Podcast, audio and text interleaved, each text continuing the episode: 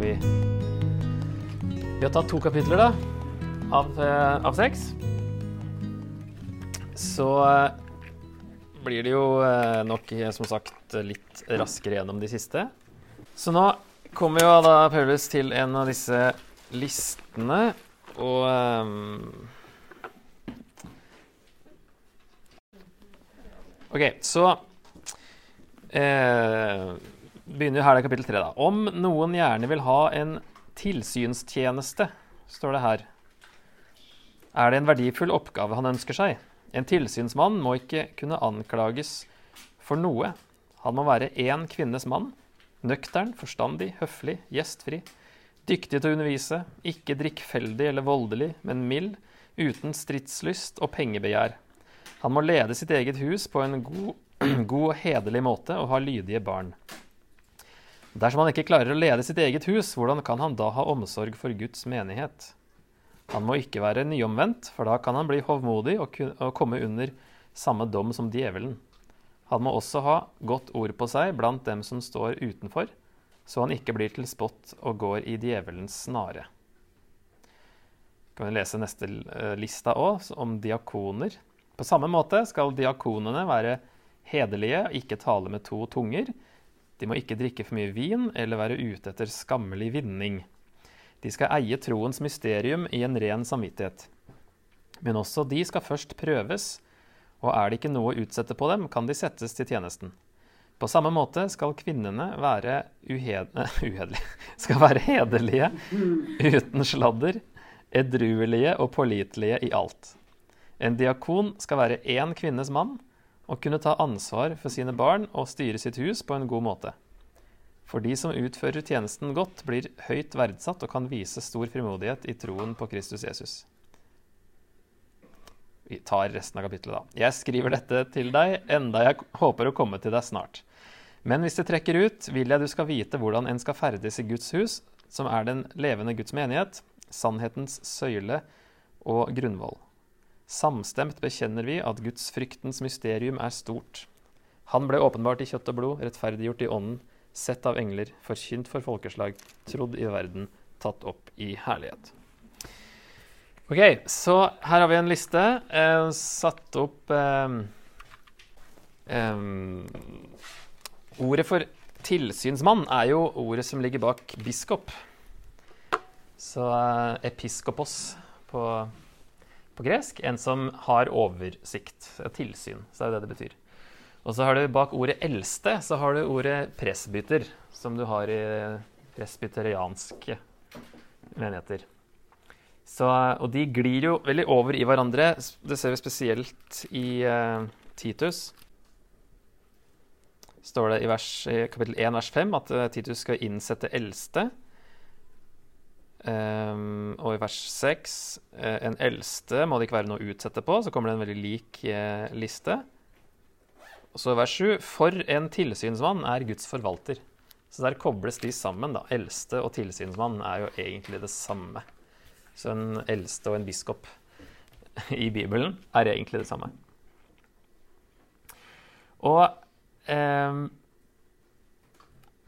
her virker det som Jeg vet ikke om dere har rukket å se på disse listene allerede, men det virker som at uh, han Ja, skal vi se uh, at disse to som han begynner og slutter med, at det på en måte sier jo mye av det samme. sant? Ikke kunne anklages for noe og ha godt ord på seg blant dem som står utenfor. Og mange tenker da at dette er en sånn Han rammer inn lista med uh, å starte og slutte med det samme. Og det er sånn vanlig å gjøre det. da, Et sånt virkemiddel som dere gjerne kan se etter andre steder òg. Uh, at hvis jeg begynner å slutte med det samme, så lages det en enhet av det som er imellom. da. Det virker fornuftig her, og det er en liste som han eh, da på en måte rammer inn. at det, er, det skal ikke, Han skal ikke kunne anklages for noe. Og så har vi det her med én kvinnes mann, da. Og det første vi tenker, er kanskje at uh, Paulus sier altså, at dette går imot polygami. At han ikke skal ha flere koner. Eh, men det var forbudt i Romerriket, så det er lite vits å nevne det, tenker uh, man da. Eh, selv om det høres sånn ut, én kvinnes mann, altså ikke ha, ha flere kvinner, så, eller en kone, da, som det også kan oversettes, um, regner med at Paulus kanskje ikke ville brydd seg så mye om å nevne det hvis det allikevel var forbudt. Så er det andre spørsmålet, da, som kanskje har vært eh, enda mer um, oppe i dagen i det siste, er, eller i vår tid, er jo om det betyr at han ikke kan være gjengift når det står 'én kvinnes mann'. Men ja, vi kommer eh, til det. fordi altså, Han snakker jo om de yngre enkene, som vi så litt på, og som, kan, som kommer etterpå, i kapittel 5. Da. Han sier jo at de yngre enkene skal gifte seg igjen. Og det vil jo si at de, de kan jo gjøre det uten å miste menighetsstøtten senere. Som han sier der i 5.9, at uh, enker skal være Hun må ha vært én manns kone, står det der. Der står det kone, faktisk. Men det betyr jo ikke at hun ikke kan vært gift med flere, i hvert fall ikke når det er snakk om dødsfall. For man skulle fortsatt komme inn på den lista og bli støtta av menigheten hvis du var over 60 år og hadde vært én manns kone. Så kan ikke da si til de yngre at gift dere igjen, men da kommer de til å miste støtten. Men det sier jeg ikke nå. ikke sant? Det henger jo ikke sammen. Så én manns kone betyr jo ikke at man bare har vært gift med én i løpet av livet sitt. Og da kan man tenke at én kvinnes mann betyr heller ikke nødvendigvis det. Så det her er nok heller ikke noe forbud mot gjengifte. Spørsmålet er i skilsmisse, da blir det en litt annen debatt. Men altså, det å være gift med, med flere når det har vært dødsfall, er i hvert fall ikke noe eh, problem. Um, så trolig ikke ment som én kones mann, og det er kanskje ikke sånn vi leser det heller når det står kvinnes mann, eh, men at det var, som du sier, eh, et uttrykk for trofasthet i ekteskapet. Det har man funnet flere inskripsjoner for. At det, det er det det betyr. Man må ha vist, vist seg trofast i ekteskapet. Det var òg et vanlig krav i oldtiden, mens ekteskap med kun én kvinne er aldri et krav. Så det her er sånn, et kjent krav egentlig, sånn til eh, hvis man skulle ha en viktig stilling utenfor menigheten. Eh, så var trofasthet faktisk eh, noe positivt. Og da ikke minst bør det være det i menigheten. I menighetssetting, vanlig krav i menigheten? Nei, generelt. Generelt? Mm, I oldtiden.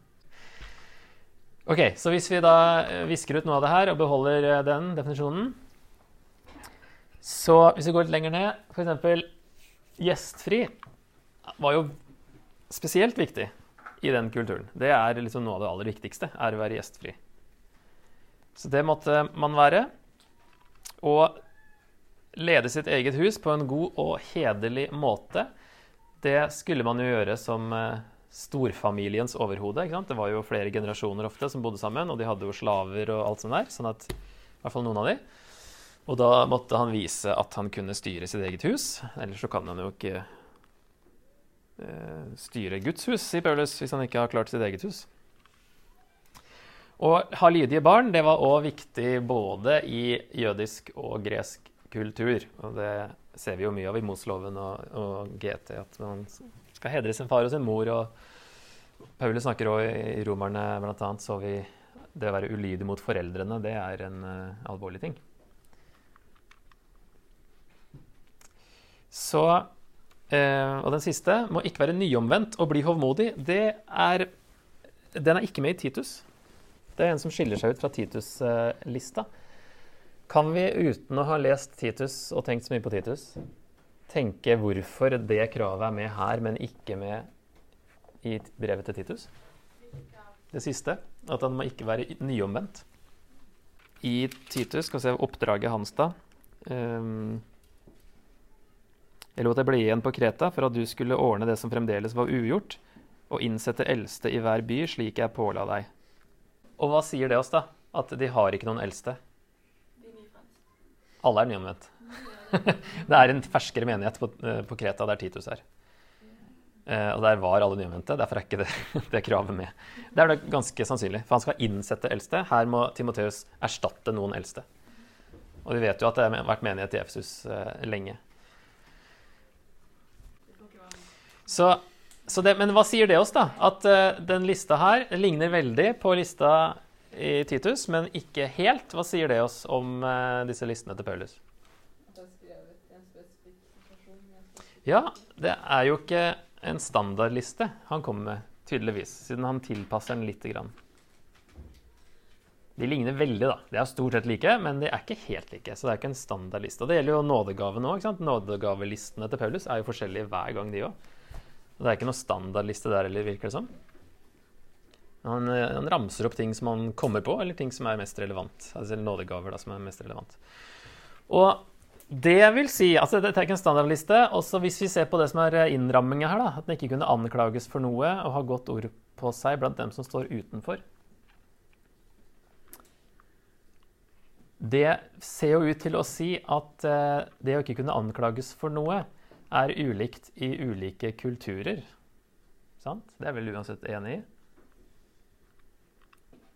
Han snakker om, om de som står utenfor, ikke sant? har godt ord på seg blant, den som står utenfor. Og da blir det litt kulturelt med en gang.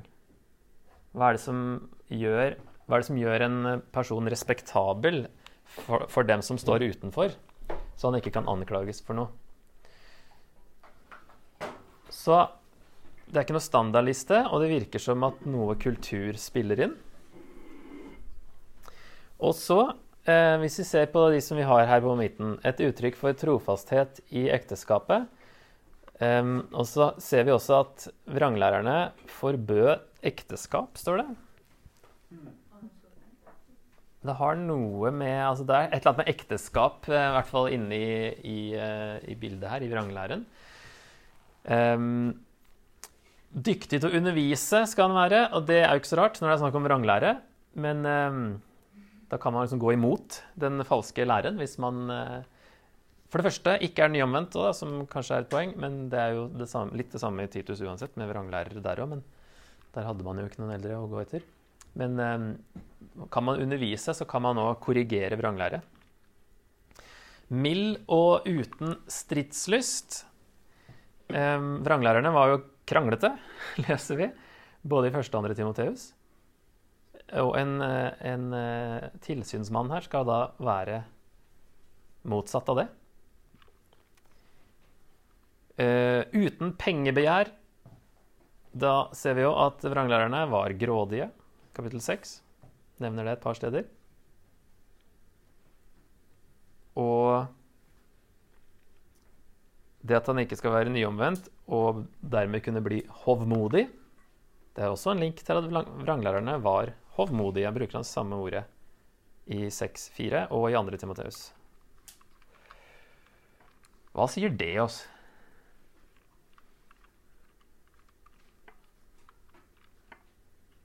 Hva har vi sett så langt om, disse, om denne lista? Det er ikke en standardliste. Kultur ser ut til å være relevant. Og ikke minst da situasjonen ser ut til å være relevant. Det er vranglærere som er problemet, og de eldste eller de tilsynsmennene må eh, være motsatt av vranglærerne på mange måter. Ok, Og så kan vi jo spørre hva er det som ikke nevnes i lista? Det er jo litt interessant. Hvis dere skulle utvalgt noen eh, eldste eller biskoper her, på å si, tilsynsmenn, eh, hva, hva savner dere på en måte i lista? Hva er det Paulus eh, ikke har med? Ja, nei, men Det er mange ting som ikke nevnes, som vi kanskje ville gjerne hatt i en, eh, en jobbannonse. Eller en, jobb, en, stillingsbeskrivelse. Men det er jo, i utgangspunktet så er det jo eh, Det er noen skills her, noen ferdigheter. Dyktig til å undervise. Lede sitt hus på en god og hederlig måte. Og ha lydige barn, da. Høflig. Ja. Kanskje ikke en ferdighet å være høflig, men eh, ja, kanskje kan du lære deg det. men, men det meste her er jo mer sånn eh, karaktertrekk, er det ikke det? Nøktern, forstandig, altså trofast. da. Høflig, gjestfri. Så han ikke drikke, ikke være voldelig. Altså ikke drikke, ikke drikke veldig mye, i hvert fall. Det er jo litt sånn som med åndens frukt, så er jo det òg karaktertrekk. Og her å legger Paulus mest vekt på karaktertrekk. Ok, Så i hvert fall noe av det som ikke nevnes, er jo f.eks. alder. Han snakker om eldste og tilsynsmenn. Det er mest uh, bruk av uh, ordet tilsynsmann akkurat her, men han snakker jo om eldste i hvert fall i kapittel i 5.17. Men er ikke det bare 30 pluss? Jo, mulig det er en grense. Eller 60 pluss? Da er det, da er det en, en antatt, eller en grense de visste om i den kulturen. At eh, 30 og over. Eller så snakker de om de eldste. Ja, kanskje de ble kalt eldste når de var over 30. Eller skulle de finne de aller eldste i menigheten. som til å være en gruppe som leda. Mm? Utdanning heller. Nei, ikke utdanning heller. Hvis jeg, hvis jeg tar eh, litt mer på alder her, altså, så eh, er det tatt for gitt, eller er det ikke et krav? ikke? Er det en sånn usagt grense på 30 f.eks.? Eller, er det, eller er det, har det ikke noe å si? I Gammeltestamentet så er det jo menn med mest visdom og erfaring. Altså det er jo de, de eldste som har mest visdom og erfaring. Og i jødedom i Nytestamentet så er det Å ja, det er det jeg mente, ja. At i Gammeltestamentet så brukes ordet om menn med mest visdom og erfaring. I nytestamentlig jødedom så brukes det om eldre menn. Der er det litt mer alder har fokus, da. Det vanligste var jo eldre menn, men trolig ikke noen klar aldersgrense, ettersom Paulus heller ikke nevner det. Han nevner jo at enkene må være over 60 for å ikke skulle gifte seg igjen og komme inn på den støttelista. Eh, mens han nevner jo ikke her hvor gamle folk Timoteus skal se etter. Vi bruker ordet 'eldste', ikke sant? som høres ut som det har noe med alder å gjøre, men kanskje ikke helt bokstavelig. Andre store spørsmålet er jo eh, kjønn, da. Boom. Én ting er jo at det sies ikke tydelig 'han' på gresk noe sted her. Eh, og så er det jo ikke en tilsynsmann heller. ikke sant? Det er jo en episkopos. ikke sant? Du har ikke ordet 'mann' i det ordet. Mm. Det, ja, kommer til det. Vi kommer til det her. En kvinnes mann, men mener Paulus at alle kravene gjelder alle? Vi har jo f.eks. Føbe, som vi nevnte i går, som var en diakon. Selv om det står om diakonen nå, det skal være én kvinnes mann i 3.12. Men der er det en liten sånn, eh, et unntak, kanskje da, i vers 11. På samme måte skal kvinnene være hederlige. ikke sant? Kvinnelige diakoner, tydeligvis der, da. Eh, men så sier han likevel at en diakon skal være én kvinnes mann.